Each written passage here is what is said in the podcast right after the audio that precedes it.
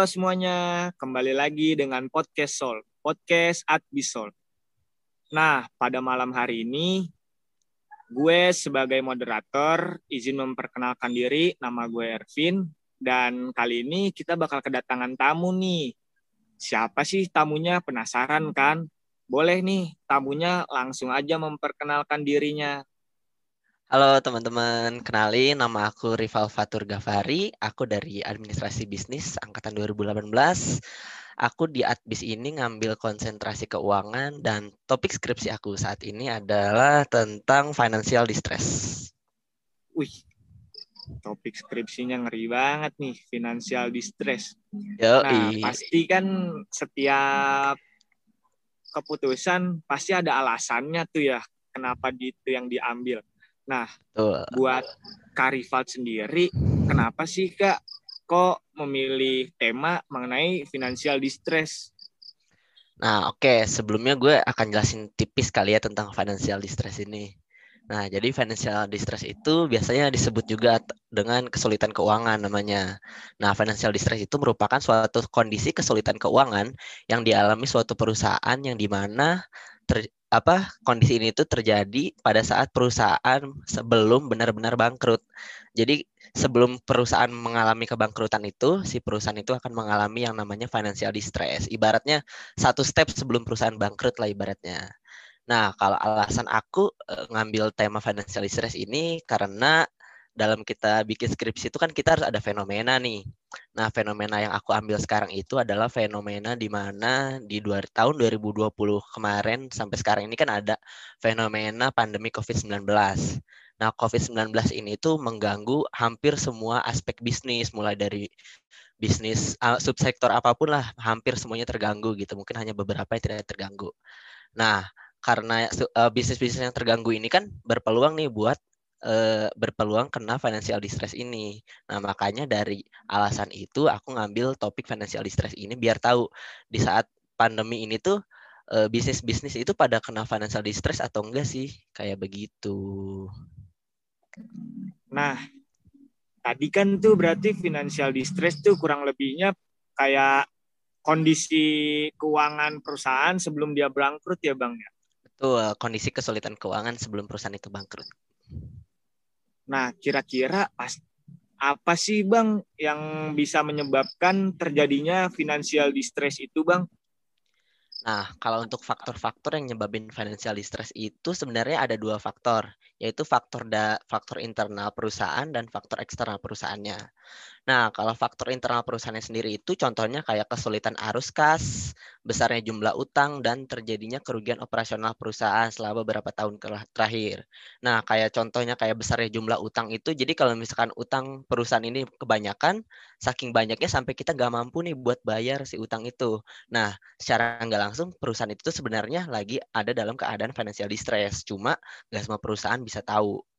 Yang kedua tadi kayak ada contohnya kerugian operasional selama beberapa tahun terakhir itu ya kayak kita udah ber, uh, melakukan kegiatan operasi.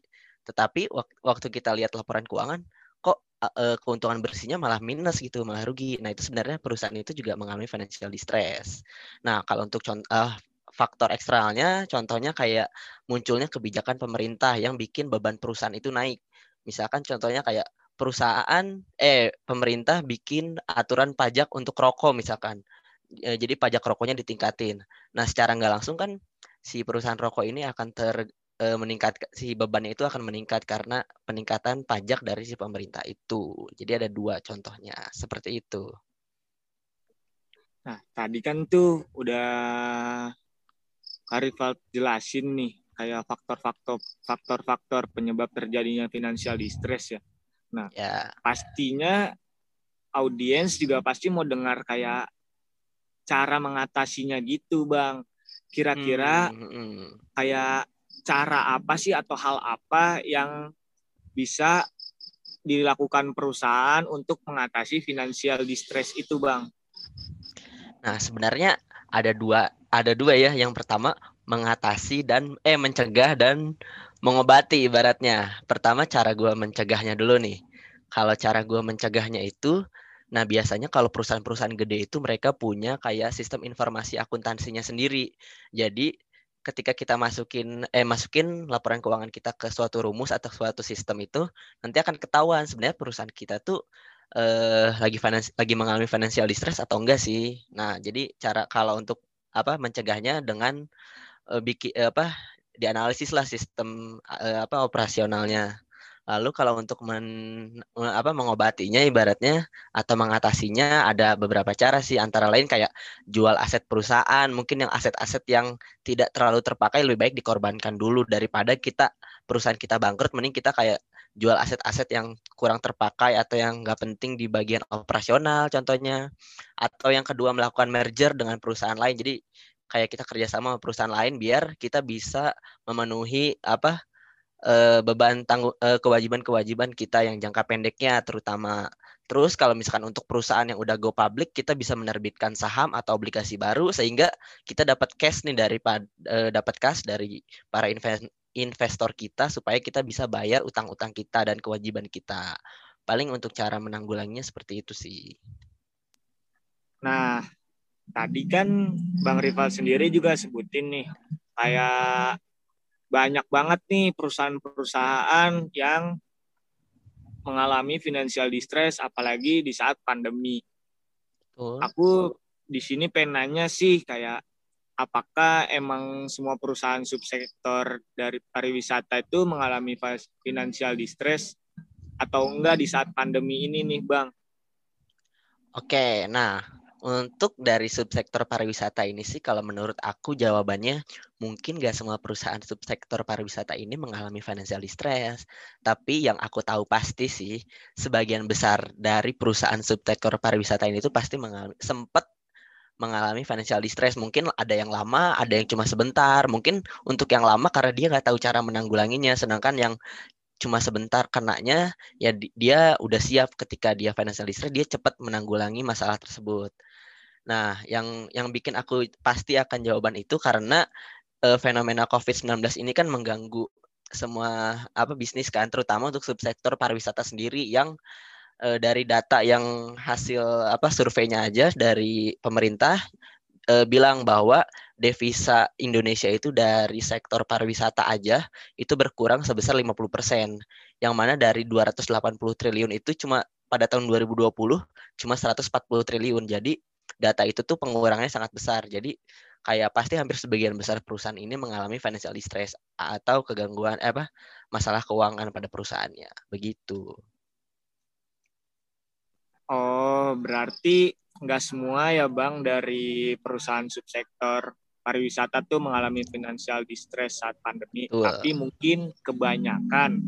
Mm -hmm. Nah, tadi kan udah beberapa kali kita tanya-tanya tentang financial distress ya. Kayaknya Kak Rival sendiri tuh kayak menguasai banget materinya.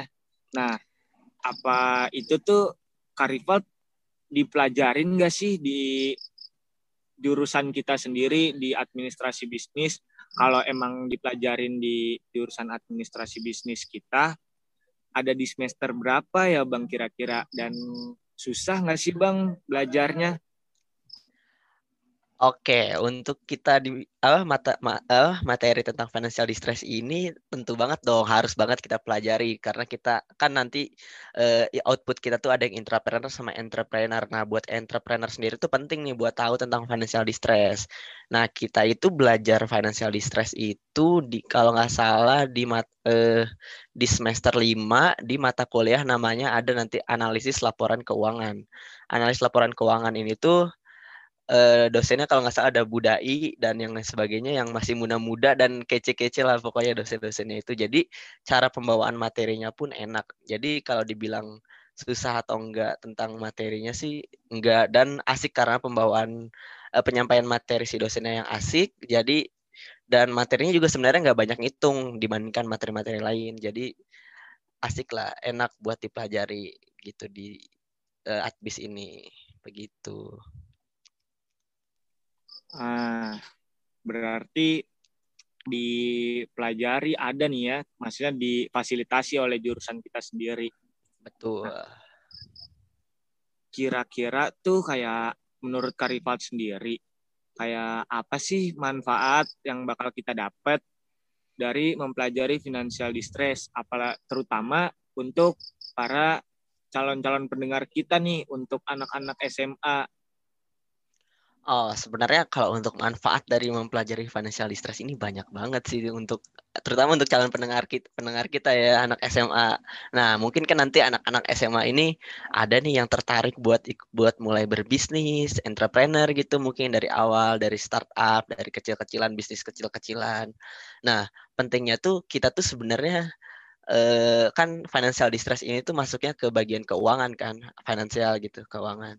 Nah, biasanya tuh kalau untuk uh, perusahaan-perusahaan startup tuh mereka menganggap bagian keuangan tuh bagian yang kurang penting kayak ah nantilah mungkin keuangan mah kalau untuk perusahaan startup nanti aja nggak terlalu penting yang penting gimana bisnis gue jalan kayak gitu. Nah sebenarnya uh, apa uh, pendapat mereka tentang itu tuh sebenarnya salah karena financial distress juga penting buat kita tuh bisa tahu gitu perusahaan kita bisnis yang kita jalanin itu tuh sebenarnya ngasilin untung nggak sih atau sebenarnya malah kita bisnis capek-capek tapi waktu dianalisis laporan keuangannya malah kita tuh sebenarnya rugi. Jadi pentingnya tuh dari kita belajar financial literacy ini kita jadi bisa bedain kalau uh, perusahaan kita tuh sebenarnya keadaan kita lagi sehat nggak atau perusahaan kita sebenarnya keadaannya lagi sakit atau ya atau lagi tidak dalam keadaan baik lah sih keuangannya itu. Jadi kalau kita bisa tahu perusahaan kita sehat atau enggak, kita bisa lebih cepat tanggap buat mengantisipasi si masalah tersebut. Jadi kalau kita tahu perusahaan kita, oh ternyata perusahaan kita lagi nggak lagi nggak sehat nih, kita bisa cari tahu alasan perusahaan kita nggak sehat kenapa. Jadi dari uh, alasan itu nanti kita bisa cepat uh, geraknya biar nggak si perusahaan itu nggak sampai ke tahap bangkrut gitu. Karena kan financial distress sendiri itu adalah tahap di mana saat perusahaan itu hampir bangkrut ibaratnya gitu. Jadi jangan sampai anak-anak yang baru gitu, yang baru masuk ke dunia startup, dunia bisnis, baru mulai bentar uh, fokus ke apa operasional dan sebagainya, tapi nggak lama karena nggak tahu tentang pentingnya financial distress ini malah bangkrut gitu, bro. Nah, keren banget kan guys pemaparan materi dari Karifat. Jadi di sini gue mau ngasih sedikit kesimpulan dari yang gue tangkep dari materi yang disampaikan oleh Karifat. Jadi kayak manfaat apa sih yang kita bakal dapet tuh kayak kita bakal bisa lebih tahu keadaan startup kita gimana dan kalau misalkan startup kita lagi nggak sehat, kita bisa lebih cepat tanggap buat mengatasi antisipasi masalah tersebut. Terus kayak faktor yang menyebabkan terjadinya financial distress tuh kayak ada dua gitu. Yang pertama faktor internal dan faktor eksternal perusahaan. Contoh dari faktor internal sendiri adalah besarnya jumlah hutang. Kalau faktor eksternalnya contohnya munculnya kebijakan pemerintah yang dapat meningkatkan beban perusahaan gitu. Terus kayak gimana perusahaan mengatasi financial distress tuh ada kayak cara jual aset perusahaan, melakukan merger dengan perusahaan lain untuk mengatasi permasalahannya, menerbitkan saham atau obligasi baru. Nah, kesimpulan yang terakhir, eh, jadi nggak semua subsektor pariwisata ini mengalami financial distress, tapi yang pasti sebagian besarnya sempat mengalami financial distress ini karena fenomena COVID-19 ini. Sebelumnya, terima kasih banyak buat Karifat atas penyampaian materinya dan penyempatan waktunya untuk sharing-sharing bersama kita dan untuk adik-adik SMA dan audiens kita. Terima kasih okay. banyak nih Bang. Terima kasih juga nih Ervin udah nerima gue di sini buat maparin tentang tema skripsi aku di sini. Thank you banget ya Pin. Oke. Nah, udah sampai di penghujung podcast nih. Gua mau langsung aja pamit undur diri. Jadi gue sebagai moderator dan Karifat sebagai pemateri di sini pamit undur diri ya guys. Ditunggu konten-konten berikutnya. Bye bye.